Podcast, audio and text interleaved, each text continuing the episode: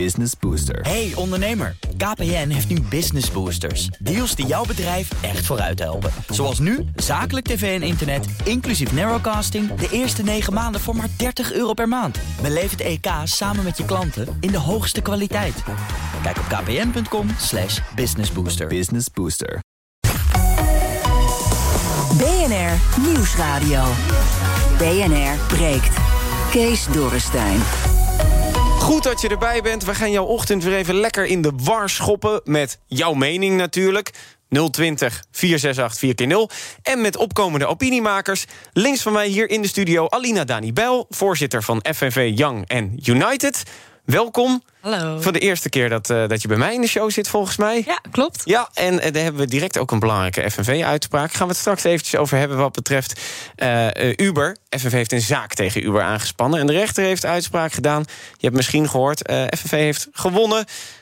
heeft nog wel wat gevolgen voor Uber. Daar gaan we het straks over hebben. En Tammy Schoots, transgenderactivist doet ook wel wat dingen bij FNV. Dit is niet gesponsord of zoiets. Nee, maar, zeker uh, niet. Dat is, en al uh, vaker bij jou in de show geweest. En heel vaak bij mij in de show geweest, inderdaad. Dat, we hebben bijna een radiohuwelijk. Zo vaak ben je bij mij in de show Nou, geweest. rustig aan hoor, Kees. Oh, rustig aan. Oké, dan zullen we gewoon maar beginnen dan, of niet? Zeker.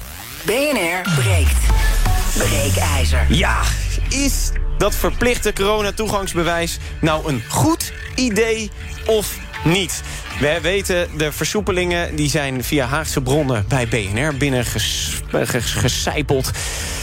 Wat is er uh, uiteindelijk dat er gaat veranderen? Per 25 september gaat de anderhalve meter eraf. Mondkapjes in het openbaar vervoer blijven dan nog wel. En er komt dus een verplicht toegangsbewijs voor drukke locaties. Denk aan de bioscoop, theaters, horeca, voetbalwedstrijden. Maar die mogen dan wel weer met alle toeschouwers. En over de evenementensector zijn ze nog eventjes aan het steggelen. Maar uh, cultuurminister van Engelshoven die zei dan ook weer vanochtend... ja, daar komt ook wel wat beters uit, maar wat wilden ze dan weer niet zeggen. Jij mag bellen over het breekijzer. 020 468 4 keer 0 dat verplichte coronatoegangsbewijs. Is dat nou een goed idee of niet? Denk je eens, ja, we kunnen zo wat meer van het slot. En ja, oké, je moet je misschien laten testen of corona gehad hebben. Maar uh, uh, wat mij betreft, als ik dan maar weer naar leuke locaties kan... 020 468 4 keer 0 Of denk je oneens? Nee, dit is gewoon vaccinatiedrang. En hoe moet dit voor al die ondernemers die dit gaan handhaven? Je moet bijna iemand uh, extra in dienst nemen, kan je je voorstellen. 020 468 4 keer 0 Corona-toegangsbewijzen, is dat een goed idee of niet? Ik zie al dat er veel mensen bellen. Um, ik uh, uh, hoor ook dat er nog eventjes een reset is van de telefoonnummers. Dus blijf even bellen, laat hem lekker overgaan. Dan uh, komt er vanzelf iemand bij je. Dan begin ik gewoon eerst even bij het panel. Alina, ja, ja, goed zelf... idee of niet? Ik denk het wel. Ik denk in ieder geval voor de mentale gezondheid van heel veel mensen... dat dit heel veel goed kan doen. Uh, dat je weer eigenlijk vooruitzicht hebt. Dat je, dat je weer perspectief hebt. Ook voor, voor mensen met een bedrijf. Die hebben weer perspectief op wat kunnen we organiseren. Hoeveel kunnen we weer gaan verdienen bijvoorbeeld. Nou, ik denk dat dat wel heel goed nieuws is eigenlijk. Dus, dus wat jou betreft, maar je zelf ook helemaal gevaccineerd en zo? Ja. ja dan krijg je ook makkelijk uh, zo'n ja, code. Ja, klopt. Uh, kan je ook bedenken, uh, Tammy, uh, dat is een beetje vaccinatiedrang. Nou, daar ben ik het dus niet mee eens. Want als we goed gaan kijken naar wat die toegangsbewijzen precies inhouden... is het ofwel dat je je laat testen, ofwel dat je volledig gevaccineerd bent. Dus je hoeft je niet te laten vaccineren om zo'n toegangsbewijs te krijgen. Wat ik heel interessant vind aan deze kwestie... is of het gaat standhouden. Het is zo dat de wet bijzondere persoonsgegevens zegt... dat je eigenlijk niet om zo'n toegangsbewijs mag vragen. Dus er gaat waarschijnlijk ergens maar dan moet juridisch, komen. Ja, maar dan moet ook juridisch, als je dit wil... dan moet het ook wettelijk worden vastgelegd. En wat heel interessant gaat worden aan die rechtszaak... is of de rechter gaat besluiten dat de persoonlijke vrijheid ge, uh, versmalt gaat worden. Omdat dat best wel een groot ding is in de Nederlandse rechtspraak. Hè. De persoonlijke vrijheid, persoonlijke beweegregen... Uh, be beweeg, sorry, ik kom helemaal niet meer uit mijn woorden meteen. Uh, persoonlijke beweegredenen... Juridisch is ook lastig, hè? Juridisch is hartstikke ja, lastig, daar weet ik alles van. Maar, en dus dat gaat ontzettend interessant worden in zo'n individuele maatschappij. Ik ben heel benieuwd hoe, of dit stand gaat houden. Ja, en de vraag is dan ook: uh, um, de overheid zou het dan moeten controleren op één punt. Want ja, kan je verwachten van kroegeigenaren dat die dat maar blijven checken. Als je, dat, als je wil dat dit gaat werken, dan moet er ook controle komen. Ja, zeker. En dat is natuurlijk altijd het gesteggel. Waar ligt de verantwoordelijkheid en bij wie? Um, ik, daar ben ik eigenlijk, als ik heel eerlijk ben, nog niet helemaal over uit. Nee, dus dat... Oh, dat voor het eerst. Oh, voor het eerst. Inderdaad, heb je alle antwoorden niet klaar, uh, Nou, ik denk dat voor beide allebei wel zo'n goede zaak te maken is. Maar wat ik nog wel eventjes van tafel wil gooien... is dat dat twee sporenmaatschappij, dat is hier gewoon niet aan de hand. Als je je gewoon laat testen, dan heb je ook gewoon een toegangsbewijs. Ja, precies. Dan komt er misschien nog wel die kosten later bij. Um, de telefoon doet het, heb ik net gehoord. 020 468 4 keer 0 Je kan weer bellen met z'n allen, mensen. Ik zie heel veel uh, lijntjes knipperen. We moesten eventjes het telefoonsysteem uh, resetten. Gelukkig heeft Arjen Boyn, hoogleraar publieke instituties en openbaar bestuur aan de Universiteit Leiden, een hele goede verbinding. Goeiedag, Arjen. Goedemorgen. Kijk, daar, daar bent u. Um, ik begin ook maar direct bij u. Uh, corona-toegangsbewijs verplichten, is dat een goed idee of helemaal niet? Nee, ik vind het wel helemaal niet. Dus uh, ik, ik ben het niet eens met. Uh, ik begrijp de argumenten, maar ik, ik denk dat we onderschatten wat het uh, doet met de polarisatie en uh, met de mensen. Uh, wat ik vind dat er wel degelijk sprake is van dwang of drang, of hoe je het maar wil noemen. Kijk, als je mensen uitsluit van gewoon normaal dagelijks verkeer en die moeten om de een test gaan halen en daar ook nog voor moeten gaan betalen, dan sluit je ze gewoon uit. Dat is makkelijk praten voor mensen die een vaccinatie hebben. Dat begrijp ik ook wel. Voor ons geldt het toch niet. En daar zijn nou die grondrechten precies voor uitgevonden. Hè, om mensen te beschermen tegen, tegen een meerderheid die wat wil. Um, dat, uh, dat is een recht. En als je zo gaat uh, um, dwingen en drangen. Ja, dan, uh, dan, dan plaats je een, een grote minderheid uh, in een bepaalde categorie. En ik denk niet dat dat goed is. Dan ben je een enorm nee aan het schudden. Ja, ik denk dat deze meneer het uh, rapport van de Gezondheidsraad in februari niet goed heeft gelezen. Dwang en drang worden hier door elkaar gehaald. Laat ik heel even duidelijk zijn. Dwang is wanneer je iemand vastgrijpt en een prik erin zet. Drang is wanneer de volksgezondheid in het uh, geding komt en mensen worden gestimuleerd zich te laten vaccineren. Hoe groter de bedreiging, toch niet een hoe beetje ingrijpender de maatregel. Want nu Arjen uh, hoogleraar publieke uh, instituties, die zegt. Um, ja, maar uh, uiteindelijk, als je ook dan nog moet gaan betalen voor een test, dan word je soort van wel bewogen richting, uh, richting dat prik. Maar dat is een andere kwestie. Ik ben het daar persoonlijk ook niet mee eens. Kijk, als je wil dat er corona-toegangsbewijzen zijn, dan moet je ook financiële, financiële verantwoordelijkheid dragen voor uh, als overheid voor die testen. Dus daar ben ik het wel mee eens. Maar ik vind het belachelijk hoe de termen dwang en drang hier door elkaar heen worden gebruikt alsof het niks is. Er is hier geen sprake van dwang. Want als jij je laat testen bij de GGZ, een bewijsje op je telefoon kan je gewoon daar binnen. Er wordt hier een soort wordt hier gedaan polarisatie en grote woorden worden hier gebruikt. Er is hier niks aan de hand. Uh, Arjen, hoe, hoe reageert u hierop? Ja, nogmaals, het is natuurlijk heel erg makkelijk praten als je zelf er geen last van hebt. Dus misschien moeten we het ook uh, vragen aan mensen die uh, niet gevaccineerd zijn, hoe zij dat ervaren. Want daar gaat het natuurlijk om. Als je iets, als je iets ervaart als uh, drang of, dan, of dwang, dan wordt het ook dwang of drang. Want het is gewoon subjectief. Nou, kijk, Um, en, en, ik kan me nog wel vinden als je bijvoorbeeld bepaalde evenementen, als je iedereen laat testen, dat is allemaal prima. Um, als je een kopje koffie wil gaan drinken en uh, dat kan dus niet meer. Dat je eerst moet gaan testen ergens bij één locatie, ergens op de rand van de stad. Dat is gewoon, en daar ook nog voor moet gaan betalen. Uh, dan sluit je mensen uit. Ik denk... en, uh, en, stel ja, dat, stel dat uh, de, het kabinet dan nu uh, beslist van... oké, okay, dan halen we dat betaalaspect eraf. Dus kan je altijd nog steeds gratis laten testen... of een paar keer uh, per maand of een paar keer per week gratis. is dat dan minder erg, wat u betreft? Dat zou minder erg zijn als het gratis is en makkelijk beschikbaar. Dus in andere landen kun je heel makkelijk op heel veel locaties gratis, gratis laten testen. Maar ook in Nederland hoor. Ik bedoel, in, in Utrecht, bijvoorbeeld de stad waar ik zit, heb je al meerdere testlocaties.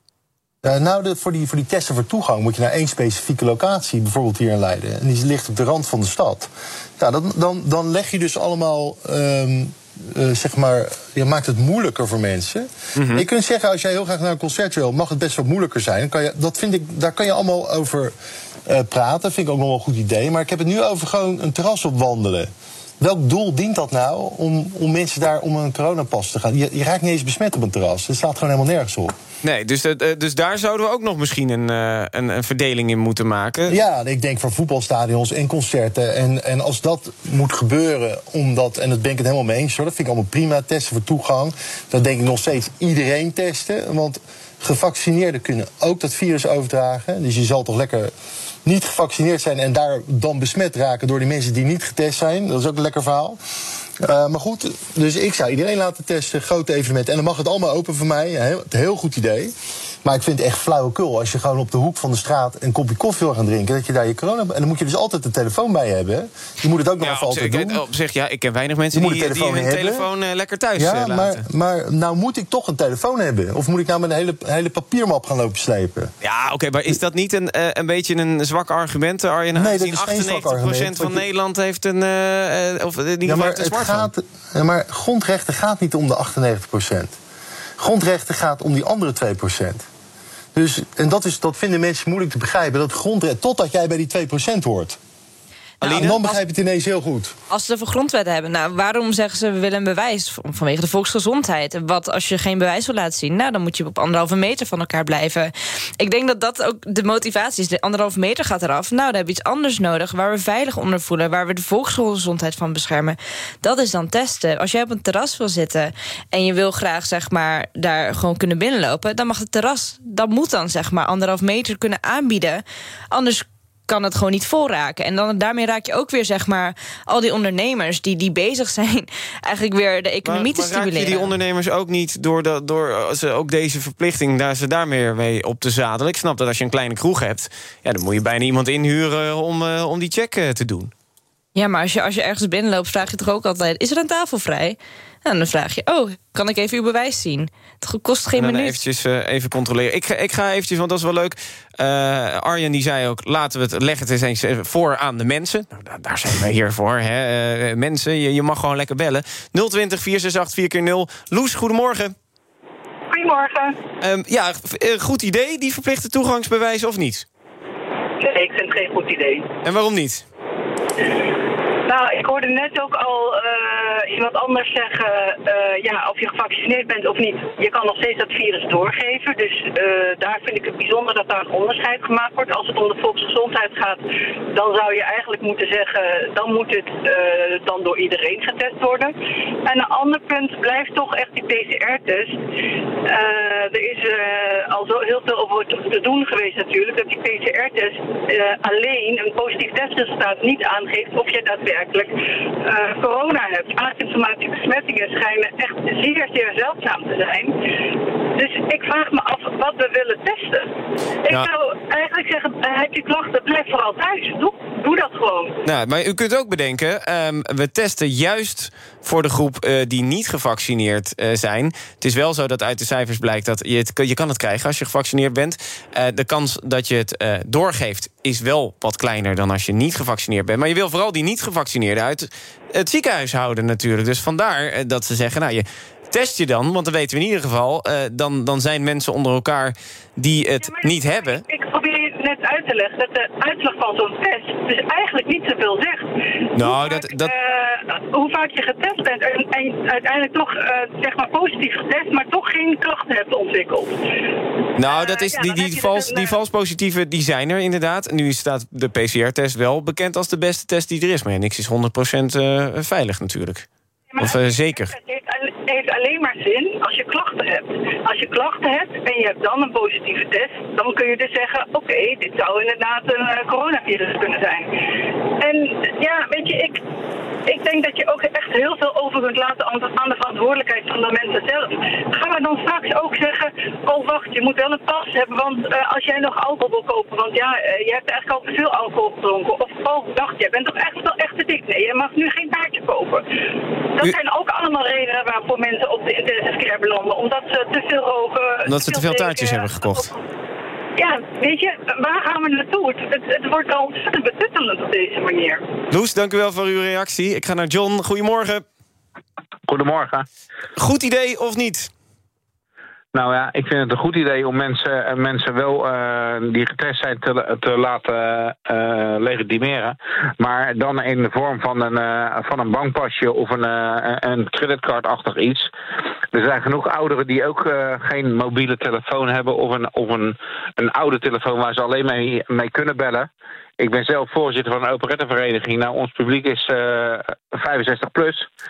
Als ik dan een uitvoering wil geven en mensen moeten zich eh, legitimeren met een QR-code, dan weet ik zeker dat de helft van het publiek thuis blijft. Ja, maar u, eh, ze kunnen hem toch ook printen thuis. Want je kan hem ook gewoon, je, je hoeft er geen smartphone voor te hebben. Je kan, je kan hem ook gewoon printen via, je, via de overheidssite. Ja, dat kan, maar uh, hoeveel ouderen zijn er niet die niet met een computer overweg kunnen? Of die geen printer thuis hebben? Kijk, uh, uh, ik vind gewoon dat je, dat je gewoon een, uh, een pasje moet kunnen laten zien. wat dan gewoon opgestuurd wordt. iedereen krijgt nu ook een brief van de, belasting, of, van de overheid. om gratis twee zelftesten op te kunnen halen. waarom niet gewoon iedereen die gevaccineerd is een, een kunststof pasje. en dat als toegangsbewijs te laten zien? Ja, dat, dat, op zich voor de oudere doelgroep zou dat uh, misschien wel wat uh, kunnen zijn natuurlijk. Maar op zich, u kunt natuurlijk ook voor het publiek zelf printen. Hè? Dan sturen ze het naar u toe en dan uh, print u het... kunnen ze alsnog naar uw concert komen. Ja, dat begrijp ik wel dat ik dat kan doen. Maar wij zitten uiteraard ook in de cultuursector. wij hebben daar heel veel, heel veel handelingen in. En is, dat, is dat heel ingewikkeld om iedereen gewoon een pasje op te sturen? Als ik een nieuwe, nieuwe bankpas nodig heb, dan, stuur, dan krijg ik die ook gewoon van de bank. Ja, moet je wel voor betalen dan natuurlijk. En, van, en als ik een nieuw pasje nodig heb van de ziektekostenverzekering, wat je ook overal moet laten zien uh, als je ergens komt, uh, dan heb je daar ook een, een pasje voor. Dus uh, een pasjesysteem lijkt me, lijkt me dan voor, voor iedereen gewoon veel logischer. Als dat je altijd maar met je, met je telefoon onderweg bent en dat het daarop staat. Want ja, lijkt me duidelijk. John, wat jou betreft komt het goed van pas. BNR breekt. Kees Dorrestein. 020 468 4 keer 0 Die verplichte corona-toegangsbewijzen. Zijn dat een goed idee of niet? Diederik, goedemorgen. Morgen. Ja, ik denk dat het belangrijk is om altijd nog een beetje terug te gaan naar de basis van het hele gesprek. Van uh, waarom zijn we nou eigenlijk hier beland en wat is nou eigenlijk het probleem? En als je kijkt naar de kans dat je overlijdt aan corona, is volgens de WO's een beetje gelijk aan de griep, die 0,15 procent. Nou, dit, dat is, volgens mij uh, ligt het vol, uh, wat betreft die cijfers wat hoger, maar dat, uh, die dat gaan we er even bij zoeken. Stanford en de WHO, kunt u even opzoeken inderdaad. Um, en als je dan kijkt naar, nou ja, dat is ongeveer gelijk. Dus nou, als je beroerd bent, dan val je om. Maar nu is de discussie gedraaid naar, er zijn 2000 niet gevaccineerden. En die zijn een potentieel gevaar, dus die moeten weer uit de bar. En ook vanmorgen op uw zender is gewoon een academicus die beweert dat die 2000 mensen ziek gaan worden.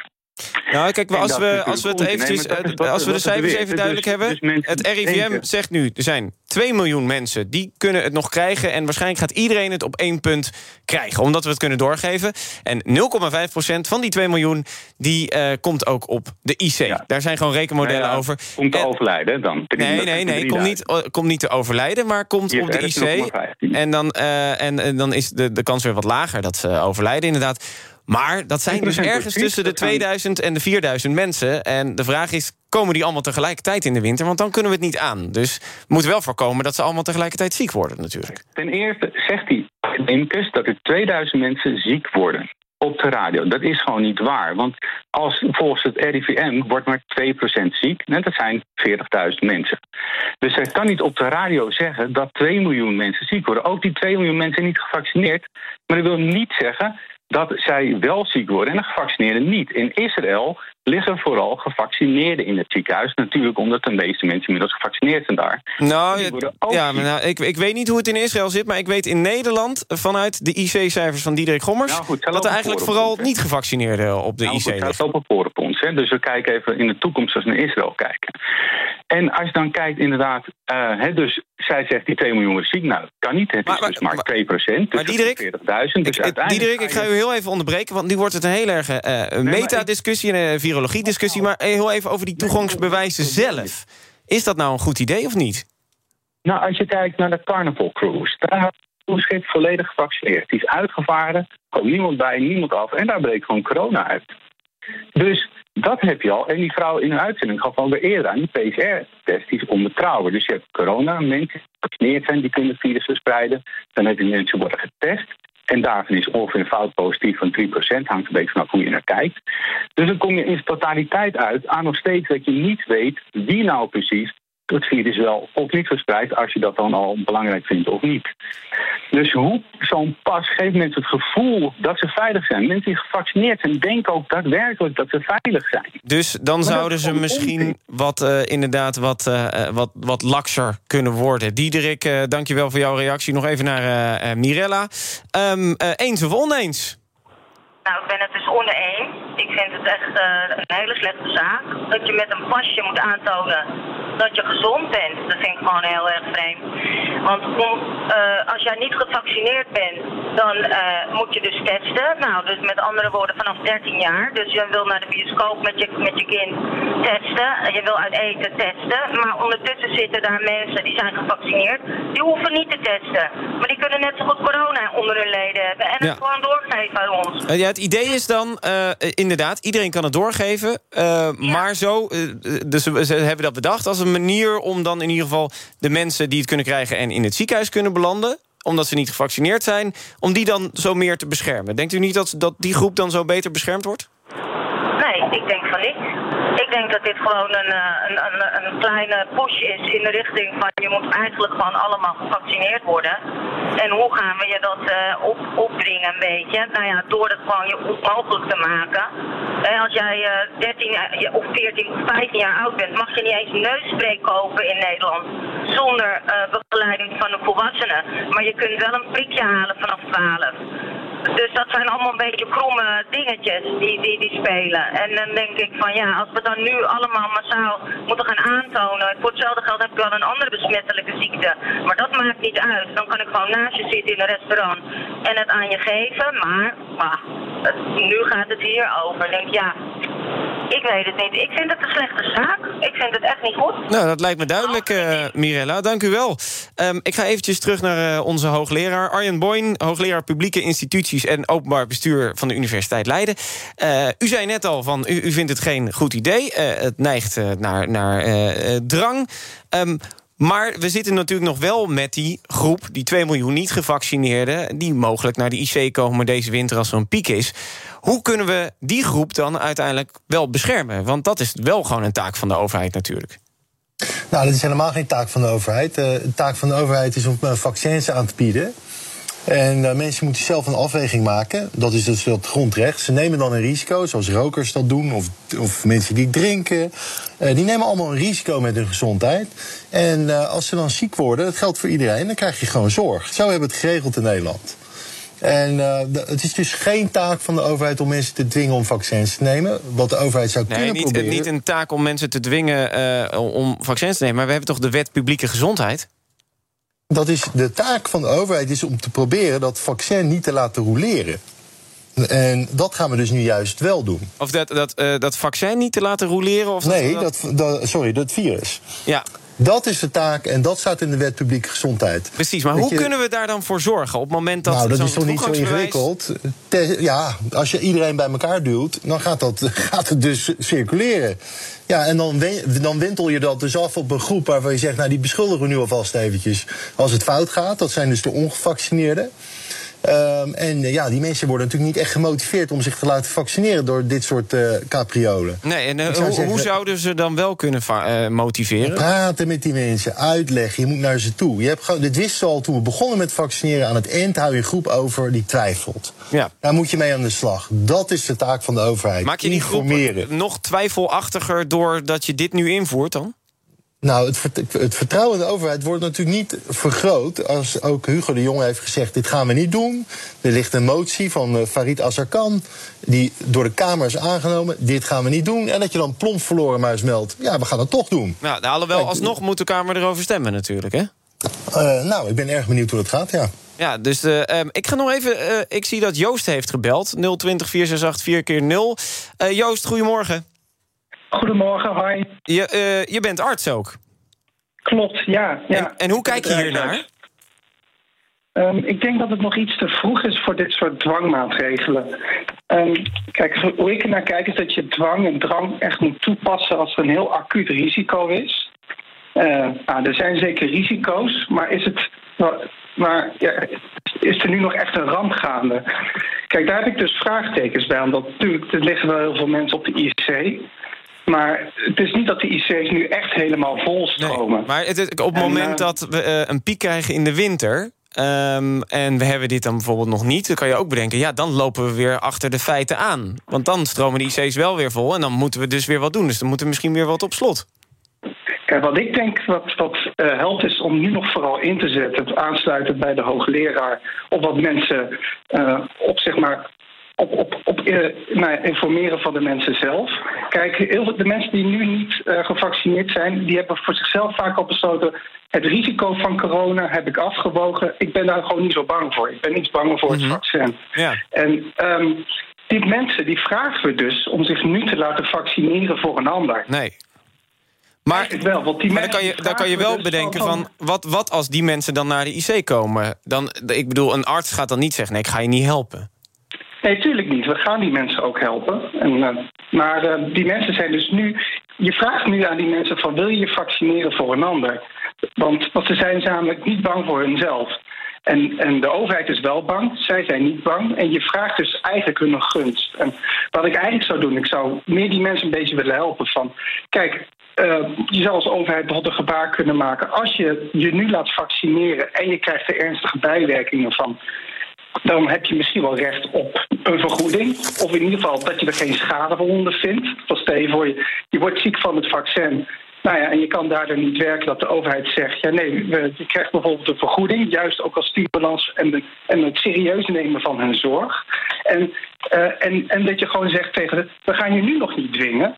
Maar op een gegeven moment komen, staan we wel voor een dilemma. Op een gegeven moment komt wel het dilemma van de IC's gaan vol liggen... of inderdaad de Ja. bedrijven gaan wanneer wanneer zou er dan wel een dwang moeten komen? Tot slot? Ja, ik denk als we, als we gewoon niet, als we gewoon niet, als we gewoon weten of de bedrijven gaan vanzelf failliet, of we kunnen de IC-rap niet meer afwenden. Dat is het punt. Eigenlijk er net voor, maar als je weet het gaat komen, dan is dat het punt. En ik zou nu nog gebruik maken van de tijd die we nu nog hebben om die mensen zo goed mogelijk te informeren en het eh, ze vriendelijk te behandelen. Want anders ja, moet je straks veel meer mensen dwingen. Arts eh, Joost, dankjewel voor jouw reactie. Ook Arjen Boyn, hoogleraar publieke instanties... en openbaar bestuur aan de Universiteit Leiden. Dank u wel dat ik u even kon spreken. Zometeen met het panel gaan we het hebben over de 25 zetels... voor de niet bestaande partij van Pieter Omzicht en het CDA-congres... die dan nog maar zes zetels eh, fictief zouden hebben. Ehm, ja, wat hebben we nou uiteindelijk daaraan aan dat congres voor de formatie? Dat allemaal in BNR Breekt zo. Business Booster. Hey ondernemer, KPN heeft nu Business Boosters. Deals die jouw bedrijf echt vooruit helpen. Zoals nu, zakelijk tv en internet, inclusief narrowcasting... de eerste 9 maanden voor maar 30 euro per maand. Beleef het EK samen met je klanten in de hoogste kwaliteit. Kijk op kpn.com slash businessbooster. Business Booster. Nieuwsradio. BNR breekt. Kees Dorrestein. Goed dat je er nog steeds bij bent. Wij eh, breken even lekker door. En we, dat doen we natuurlijk met opkomende opiniemakers. Tammy Schoots, transgenderactivist. Aan mijn rechterkant in de studio Alina Dani Bijl. Aan mijn linkerkant van FNV. We gaan het zo meteen natuurlijk ook nog eventjes hebben... over die uitspraak in het voordeel van FNV tegen Uber. Ehm, dat eh, zal vast nog wel wat voet in de aarde krijgen. Eh, maar eerst eventjes over afgelopen weekend. Het CDA-congres in de Brabanthallen in Den Bosch. Ik hoopte dat het weer een herhaling was van tien jaar geleden... met allemaal kleurenbordjes en dan een kleurenblinde voorzitter. Eh, maar helaas, eh, dat, eh, dat niet. Maar het ging eigenlijk vooral over Pieter Omzicht... en niet zozeer in ieder geval over de formatie.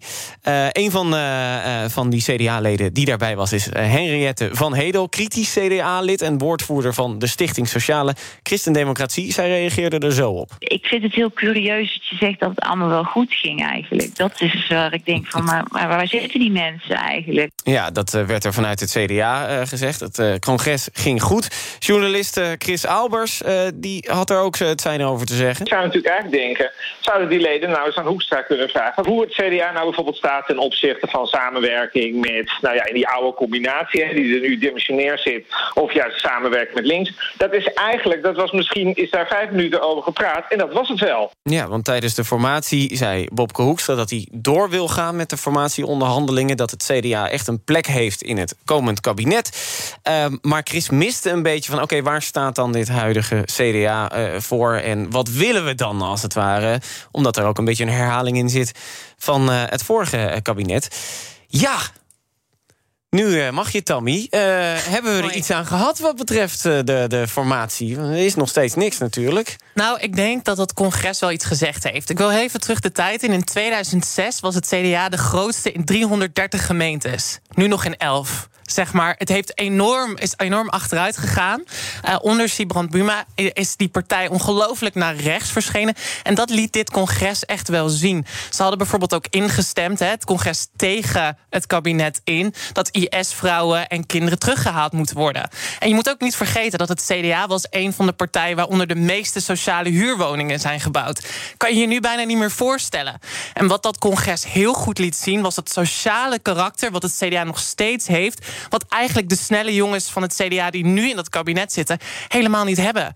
Wat we missen is zo'n zo'n staatsman. Weet je, zo'n Ruud Lubbers die met zijn armen wijd staat en mensen meeneemt. Mensen uh, meeneemt in een groter verhaal. is geen staatsman? Nou, ik, dat zijn Wopke Hoekstra en Hugo de Jong zijn snelle. Steek hem er maar in, vaccin jongens. Weet je wel, dat is. Dat Steek is, hem er maar in, ja, vaccin. lekker muziekje eronder, hippe schoenen. Dat is niet waar het CDA voor staat. Het CDA is een sociale partij die er staat voor de gewone arme man. En daarom waren ze in 2006 ook zo populair. Weet je wel, dat werd zo breed Ze staan, gedragen nu, ze staan nu op zes zetels in de, de peilingen. En Komt terecht. dat daardoor, En denk terecht. je? Nou, je had het net ook even over Pieter Omzicht. En Pieter Omzicht is natuurlijk het sociale hart van het CDA. Het feit dat heel veel mensen van het CDA met hem meegaan als hij een nieuwe partij doet. En ook dat hij linkse, onder linkse partijen, dat hij daar zeg maar ook stemmers weghaalt, laat zien hoe erg die partij vervreemd is van haar sociale roots. Zeg maar, Wopke Hoekstra en Hugo de Jonge hoorden helemaal niet bij het CDA te zitten. Die hoorden bij de VVD te zitten.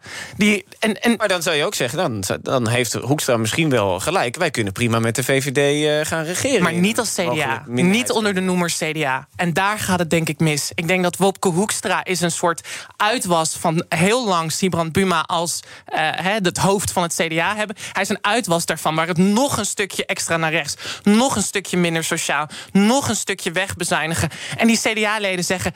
We pikken het niet meer. Wij maar- zijn een sociale partij. En met iemand zoals Wopke Hoekstra doen we het niet. Die, die leiderschapsverkiezingen, Ah, nou ja. daar werd gewoon in gerommeld. Pieter Omzicht had gewoon de leider van het CDA moeten zijn. Ja, maar alsnog... eh, Het is een corrupte partij geworden. Het is echt gênant. Alsnog zag je op dit congres niet heel erg dat, dat Hoekstra werd aangevallen.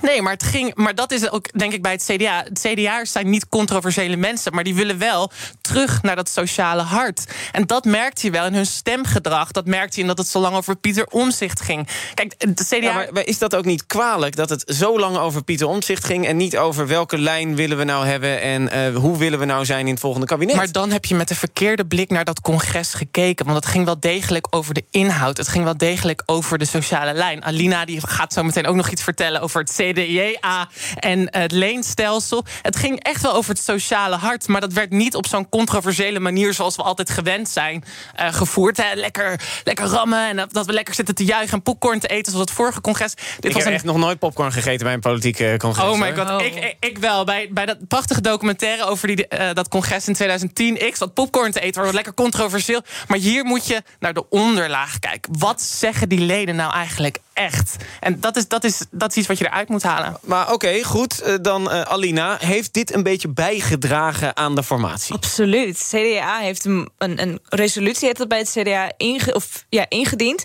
Dat eh, het leenstelsel, of Het, de de- afschaffing de jongere ervan... tak, CDA de tak, dat ja. ja. Eh, het leenstelsel breekpunt moet zijn in de formatie... en in, in, in, in zeg maar, een nieuw regeringsakkoord. Ja, maar op zich, het is wel zo, dat zei Chris Albers eh, vanmorgen ook... toen ik dit aan hem vroeg, eh, in de ochtendspits met Bas van Werven.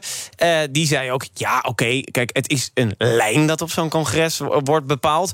Het, is, het staat echt dan niet eh, zwart op wit van dit, dit moet er, dat moet hij zegt, als het er niet doorheen komt... heeft Wopke Hoekstra gewoon een iets lastigere middel om uit te leggen... waarom die dat er toch niet doorheen heeft gekregen. Nou, dat lijkt me sterk, want tegen de wil van de top in is het met 70% ingestemd. 70% van de leden die aanwezig waren.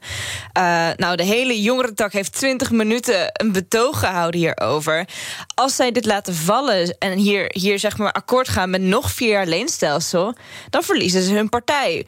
Dan verliezen ze hun leden, dan verliezen ze hun jongerentak, Ja. wat eigenlijk hun toekomst is. Volgens de peiling zijn ze eigenlijk al heel veel verloren. Dus ze hebben niet meer zoveel te verliezen, toch? Dus het is echt heel belangrijk. En dat betekent ook zeg maar dat als dit gaat spelen, zeg maar op een gegeven moment informatie, dat we ze verantwoordelijk kunnen houden. Dat ze zeggen: jullie leden zeggen dit, dan moet je dat doen. Want je hebt mandaat. Je hebt, je hebt, je hebt zeg maar verantwoordelijkheid naar je leden toe. Je staat hier niet voor je eigen hachje Je hebt toch ook verantwoordelijkheid eh, richting het, het Nederlandse volk... om gewoon een kabinet te vormen. Dus dan moet je soms ook een beetje water bij de wijn doen. Maar hoeveel water bij de wijn gaan we nog doen? Weet je wel, ze moeten die hele McKinsey-top die tegenwoordig bij het CDA zitten... en al die Shell-mensen, bestuurders, die moeten ze eruit kicken. Ze moeten weer mensen van het maatschappelijk middenveld eh, terugbrengen. Hè? De, de, hoe heet die christelijke, de CNV, de christelijke vakbond... daar moet je weer mensen uit gaan halen. Niet meer dat neoliberale, neoliberale onzin die er nu in Nu zit. kan je ook bedenken, op het moment dat het CDA niet gaat meeregeren... terwijl ze de hele tijd zeggen, dit, dit kunnen wij... is het dan niet nog schadelijker voor de partij? Want ze zijn nu al veel kwijtgeraakt. Ja. Fictief, hè? Ja, deze is moeilijk. Nee, je weet het eigenlijk nooit hoeveel schade het gaat op, doen. op zich, je kan je jezelf ook eh, eh, bewijzen... door gewoon weer te regeren en kijken of je goede dingen kan doen. Nou, als jij goede dingen doet, als je een goed regeerakkoord hebt, dan ga je inderdaad weer groeien. Maar dan moet je heel goed naar jezelf gaan kijken. Willen we dat ook? Willen we op, die, op, op, op een sociale manier verder? Of gaan we gewoon de oude weg vervolgen? Maar heel eerlijk, of ze nou in de oppositie gaan zitten of in het kabinet, dat zag je ook onder Rutte 2. CDA stemt tegenwoordig toch wel mee met VVD. Dus volgens mij zit daar niet heel erg veel verschil in. Zijn ook gewoon cijfers van, hè, dat kan je gewoon mooi op de website van, eh, eh, van de Tweede Kamer zien. Dat ze volgens mij iets van 85% hebben meegestemd met de de, economische had ook een leuke app daarvoor gebouwd. Dat je kon zien van wie, met, eh, wie heeft eh, mee eh, gebouwd. Precies, dus volgens mij gaat er niet zoveel veranderen. Ze moeten die partijtop eruit kicken en weer terug naar dat sociale Dat is hart. direct heel, heel radicaal misschien. Ja, wel. maar ze staan ook op springen. Heb je gezien? Zes zetels in de peilingen. 25 gaan naar Pieter Omtzigt als hij zijn eigen partij dat, begint. dat is een peiling, hè? Er was ook Oh, nu zijn het opeens maar peilingen, Kees. Ja, kijk, oké, Pieter Omzicht krijgt wel 25 zetels. Hij heeft nog, nog niet eens een eigen partij. Ja, maar Dus is- hij heeft zich toch al lang bewezen. Hij heeft toch laten zien wat hij, wat hij te bieden heeft. De menselijke maat. Dat is hartstikke zijn, zijn belangrijk. nieuwe verkiezingen dan alsnog niet beter? Kijken wat, eh, wat Omzicht eh, kan doen. Ja, maar waarom denk je dat, dat Wopke Hoekstra zich zo vastklampt aan die formatie? Dat is zijn laatste levenslijn. Want hij weet als dit gaat, als dit gaat zakken, welke partijen moeten er dan komen? Weet je wel? Dus dat, ja.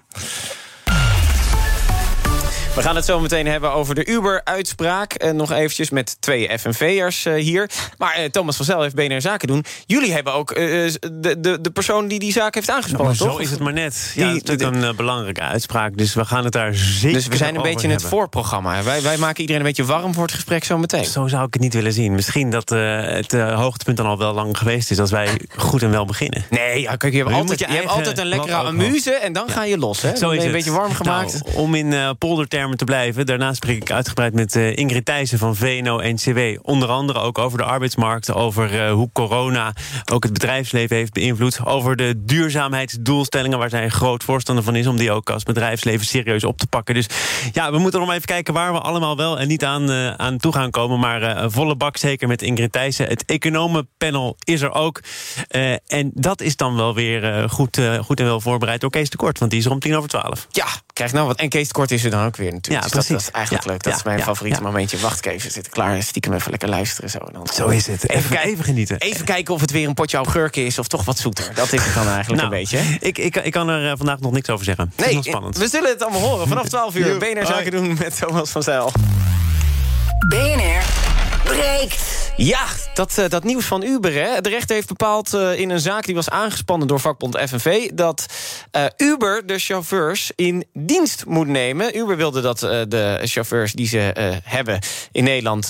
zelfstandigen zouden blijven, terwijl FNV sprak van een schijnzelfstandigheid. Alina, jij kwam hier de studio binnen en je was echt aan het juichen. Ja, ja, dat is zo goed nieuws. Dat want- snap ik ook wel, want je bent ook van FNV Nou, natuurlijk. en maar niet alleen dat, zeg maar. We merken het niet alleen bij Uber. We zien het bij Deliveroo, we zien het bij Liceo... we zien het bij heel veel andere ja, flex, gare... Ja, schijnzelfstandigheid bedrijven waar ook heel veel jongeren werken. Die dan, die dan eigenlijk net niet onder een CAO vallen... omdat ze worden gezien als zelfstandig, terwijl ze dat eigenlijk niet zijn. En daardoor heel veel mislopen, geld mislopen... maar ook zeg maar Dus en, en ziekteverlof, dan zouden vakantie. ze nu onder de CAO-taxivervoer. Ja, dan vallen ze nu onder het CO-taxivervoer. Wat gewoon veel meer zekerheid, veel meer veiligheid ook biedt voor al deze werknemers. En het is zo belangrijk dat je die zekerheid hebt. Want daarmee kun je uiteindelijk je huur betalen, je boodschappen betalen. Dan kun je eigenlijk voor jezelf zeg maar je leven bouwen. En dat, is, dat onderschatten we soms. Ja, maar je kan toch ook als ZZP'er kan je toch ook eh, prima verdienen? Dat kan wel, maar als jij zeg maar niet bewust bent dat je ZZP'er bent, of bewust, maar je hebt niet daar echt voor kunnen kiezen en, en daarvoor kunnen bouwen, dan, dan je werkt onder een omstandigheid waar je eigenlijk gewoon werknemer bent. Maar voor, vanwege je contract word je dat niet zo beloond. En daar gaat het mis. Want als jij kiest voor ZZP'er zijn, de manier om ZZP'er te zijn, die hele werkwijze, dan doe je dat. Maar als jij kiest, ik heb een baan nodig ik wil werknemer zijn en je krijgt een schijnzelfstandigheidscontract, ja, dan gaat het mis. En, en, hoe moet het er dan nu uitkomen te zien, Tammy? Nou, wat ik gewoon denk, laat die taxichauffeurs lekker op de taxi zitten, lekker rijden. En de werkgever moet gewoon altijd administratieve onzin gaan doen. Weet je, je moet die taxichauffeurs niet opstadelen met allemaal papierwerk. Dat is, en ik ben blij, en dat is eigenlijk basically wat de rechter hier heeft gezegd. Uh, en ook gewoon, weet je, je pensioenopbouw. Daar is, de werk, daar is je werkgever gewoon zelf verantwoordelijk voor. Waarom kunnen we de topmannen van Uber wel miljoenen uitbetalen aan bonus. Maar kunnen we onze lieve taxichauffeurs niet gewoon een even, weet je wel, een extra, extra, wat extra toestoppen met de kerst of een pensioentje opbouwen? Zijn ze gewoon te gieren voor die Ubers? Ja, dat denk ik ook, ook als gierige Nederlander. Ik vind het wel jammer dat ik dan uh, na het uitgaan, als dat straks allemaal weer mag, uh, dat ik dan wat meer moet betalen voor, uh, voor mijn taxi. Maar dat ligt bij Uber. Dus het gaat erover waar Uber die kosten gaat doorrekenen. Gaan ze die doorrekenen bij die miljoenen winstuitkering die ze aan de top doen? Of gaan ze dit doorberekenen naar de klant? Dus dus daar moet je niet die, die chauffeurs voor gaan aanspreken. En ook niet het Nederlands recht. Dan moet je eens goed gaan kijken naar... oh, wat is het moraal van die bedrijven? Nu denk ik ook, er zal vast dan wel uh, eventjes een hoger beroep komen. Oh ja, dat hebben ze al aangekondigd. Dus uh, dat uh, hebben ze kort na het vonnis aangekondigd. Ze gaan een hoger beroep. Nou. Ja, en, maar kijk, we leven in een andere tijd... met ander soort verdienmodellen en ander soort werkgeverschap. Is het niet tijd om, om er een tussenvorm voor te bedenken? Of waarom moet het dan per se altijd weer in contract dienstbewijs van? Nou, wat contractdienst geeft is zekerheid, is vastigheid. Wat, wat we heel veel onder jongeren zien, ze willen heel graag vaste contracten, maar ze willen interne flex. Dus zeg maar, ze willen graag die, die, die geldzekerheid, de werkzekerheid, de toekomstzekerheid. Maar dat je wel binnen je contracten, binnen je werkgever, gewoon afspraken kan maken die, die de flexibiliteit bieden om bijvoorbeeld, zeg maar, nou, misschien wat eerder te starten met werk, wat later te, af te maken, wat dan ook. Um, maar juist die zekerheid, die inkomenszekerheid is zo belangrijk. Want hoe ga je anders een huis kunnen kopen als je dat überhaupt al een keer gaat kunnen? Ja, dan denk ik ook. Um, er zijn meer van dit soort bedrijven die met dit soort constructies werken. Je noemde net bijvoorbeeld al Deliveroo. Um, gaan jullie nu nog meer zaken aanspannen dan? Ja, we zijn al bezig uh, met Liceo. De, begin coronacrisis uh, zagen we dezelfde problematiek bij Liceo. De, de, uh, ja, ze geven bijlessen. Um, en daarvoor huren ze, of huren, nemen ze eigenlijk um, studenten in dienst. Maar die hebben inderdaad ook uh, van die OVO-contracten, die onzekere schijnzelfstandigheidcontracten. En daar zijn wij nu als jongerentak ook heel erg mee bezig... om daar uh, ook een rechtszaak voor uh, op te zetten. Maar op het moment dat dit mo moet, kan het ook uiteindelijk betekenen... dat er heel veel chauffeurs uit moeten. Want dan is het niet meer te betalen. Ja, maar als er niet, niet te betalen valt, waar ligt dan het probleem? Ligt dat bij mensen die, die, die, die daar werken en die geld moeten verdienen... of ligt dat bij de top? Ja, dat, is een, dat is een goede vraag. Uh, we gaan het zo meteen nog heel even kort hebben over de Duitse verkiezingen. Maar eerst even trending. Je luistert naar BNR Breekt. Wat is op dit moment trending? Natuurlijk het coronapaspoort of het corona-toegangsbewijs. Heel veel hashtags met allemaal verschillende namen... die allemaal op hetzelfde duiden. Omdat er nu is aangekondigd, of bronnen uit Den Haag bevestigen... de anderhalve meter gaat eraf, maar er komt dus een verplicht corona-toegangsbewijs voor in de plaats... voor bijvoorbeeld de horeca en andere drukke plekken. Het woonprotest is ook nog steeds trending. Dat was gisteren 15.000 mensen in Amsterdam hebben gedemonstreerd. zijn uiteindelijk enkele tientallen opgepakt... omdat ze daarna nog een huis wilde kraken. En dan is smeerpijperij trending. En dat is toch een uh, opvallende. En dat heeft allemaal te maken met uh, dit interview van ADO-televisie... met iemand die vroeger ook in de hockey heeft gewerkt. Ja, nou, uh, ik heb wel eens 140 uur bij de hockey gewerkt. Dan wil jij niet weten wat daar gebeurt, toch, Pik? Dat is, dat is nog verrotter als bij het voetbal, geloof me maar. Nou, lig eens een tipje van de sluier op dan? Nou, daar heb ik dingetjes meegemaakt. Moest ik maandagochtends moest ik daar werken. En... Nou, dan kwam ik gewoon, eh, de kantine- wij moesten dan de kantine en de kleedkamer schoonmaken. Nou, dan kwam je binnen en dan lagen ze af en toe gewoon nog eh, als een maleier op die bank. en of beneden in de bespreekkamer van het eerste. lag er gewoon een stelletje op tafel. Want die gekkigheid, kijk, eh, ik kijk er niet van op. Maar eh, ze doen allemaal net- of het netjes is in die hockeywereld. Nou, we hebben mijn ballen. Het is een grote... Smeerpijperij. Ja, hele grote smeerpijperij, ja. En hij sloot nog af met... Nu eh, ben ik niet te vies voor een smeerpijperij. toch altijd weer mooi. Het eh, hockey is net zo fout als eh, het voetbal, zegt hij in ieder geval. Tot slot, Tammy, ehm, jij, jij komt hier regelmatig natuurlijk. En eigenlijk elke keer dat je hier komt, zeg, je- zeg je... Kunnen we het eens even hebben over de Duitse verkiezingen? Ja, ja, ja. We hebben het daar bij BNR wel vaak over. Dus nou, ik heb nog anderhalve minuut ongeveer. Dan mag jij even een pleit maken van waarom er meer aandacht moet zijn... voor die Duitse verkiezingen. Nou, gisteren was dus het tweede verkiezingsdebat op de Duitse televisie. Super interessant. Even heel kort, waarom moet je hier naar kijken? Dit is de economische toekomst van Nederland. We zijn zo verstrengeld met Duitsland. Daar, we gaan, waarschijnlijk gaan we hun volgen. En daar gebeurt iets machtig interessants. Want de SPD, de Duitse Sociaaldemocraten, staan torenhoog. Of tenminste, Nou, zo ho- hoog als je in deze tijden kan, ga, kan Precies, gaan. er zit, er, zit, er zit een verschil tussen die eh, met, de, met het CDU... maar niet, niet onoverbrugbaar bij wijze van. Nou, ik denk ook niet meer dat het gaat over bruggen. Want Olaf Schulz, dus de lijsttrekker voor de SPD... dat was de minister van Financiën in het vorige kabinet... die heeft een paar hele interessante financiële maatregelen... waar we echt van gaan smullen. Eh, even ter de situatie in Duitsland heel kort. In Duitsland is er best wel veel armoede. Het OECD kwam met cijfers dat om als arm persoon naar het de gemiddelde te gaan, het gemiddelde is denk ik 4000 euro per maand verdien je, heb je zes generaties nodig. Wat Olaf Schulz heel goed doet, is daarop inspelen. Die zegt bijvoorbeeld ook: hè, rijkeren moeten we meer belasten, armeren niet. En dat staat in schil contrast met het CDU, want het CDU zegt ja, lastenverlaging voor iedereen. Dus wat ik wel interessant vind, is dat er een bewustzijn begint te komen dat iedereen op dezelfde manier belasten gewoon niet eerlijk is. Als jij 2 miljoen verdient, zou je daar meer van moeten afdragen. En, en jij denkt op het moment dat het daar gaat gebeuren... gaat het misschien ook wel in Nederland gebeuren? Nou, er begint bewustzijn te komen dat jarenlang zeg maar een paar beetje bonussen aan de top niet gaat werken voor heel veel mensen. Nederland is het nummer 8 op het meest welvarende land. Heb jij er wat van gemerkt? Nee, wij krijgen elk jaar te horen dat we minder, dat we moeten bezuinigen. Hè, het leenstelsel, sociale huurwoningen worden massaal verkocht. Dat bewustzijn begint langzaam te groeien. Dat we betere, progressievere economisch beleid nodig hebben. En dat, daarvoor moeten we dus naar de Duitsers kijken. Kijken wat daar gebeurt, want dat zou ook in Nederland kunnen gebeuren als een voorbeeld. Ik hoop dat de PvdA gaat stoppen met ruzieën... en eindelijk weer eens goede economische, met Ja, goede maar die economische moeten dan nog wel even met Schulz bellen... willen ze dat aantal aan zetels Nou eh, ja, binnenhalen. Dat, dat- is wel, daar moeten we eerlijk over zijn. Schulz. we blijven dat ook volgen, uiteraard. Hè. Bij BNR volgen we de Duitse verkiezingen.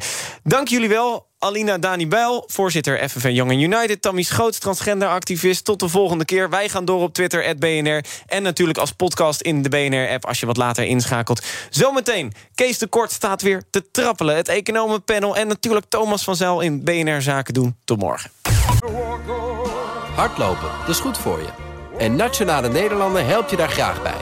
Bijvoorbeeld met onze digitale NN Running Coach... die antwoord geeft op al je hardloopvragen. Dus, kom ook in beweging. Onze support heb je. Kijk op nn.nl slash hardlopen.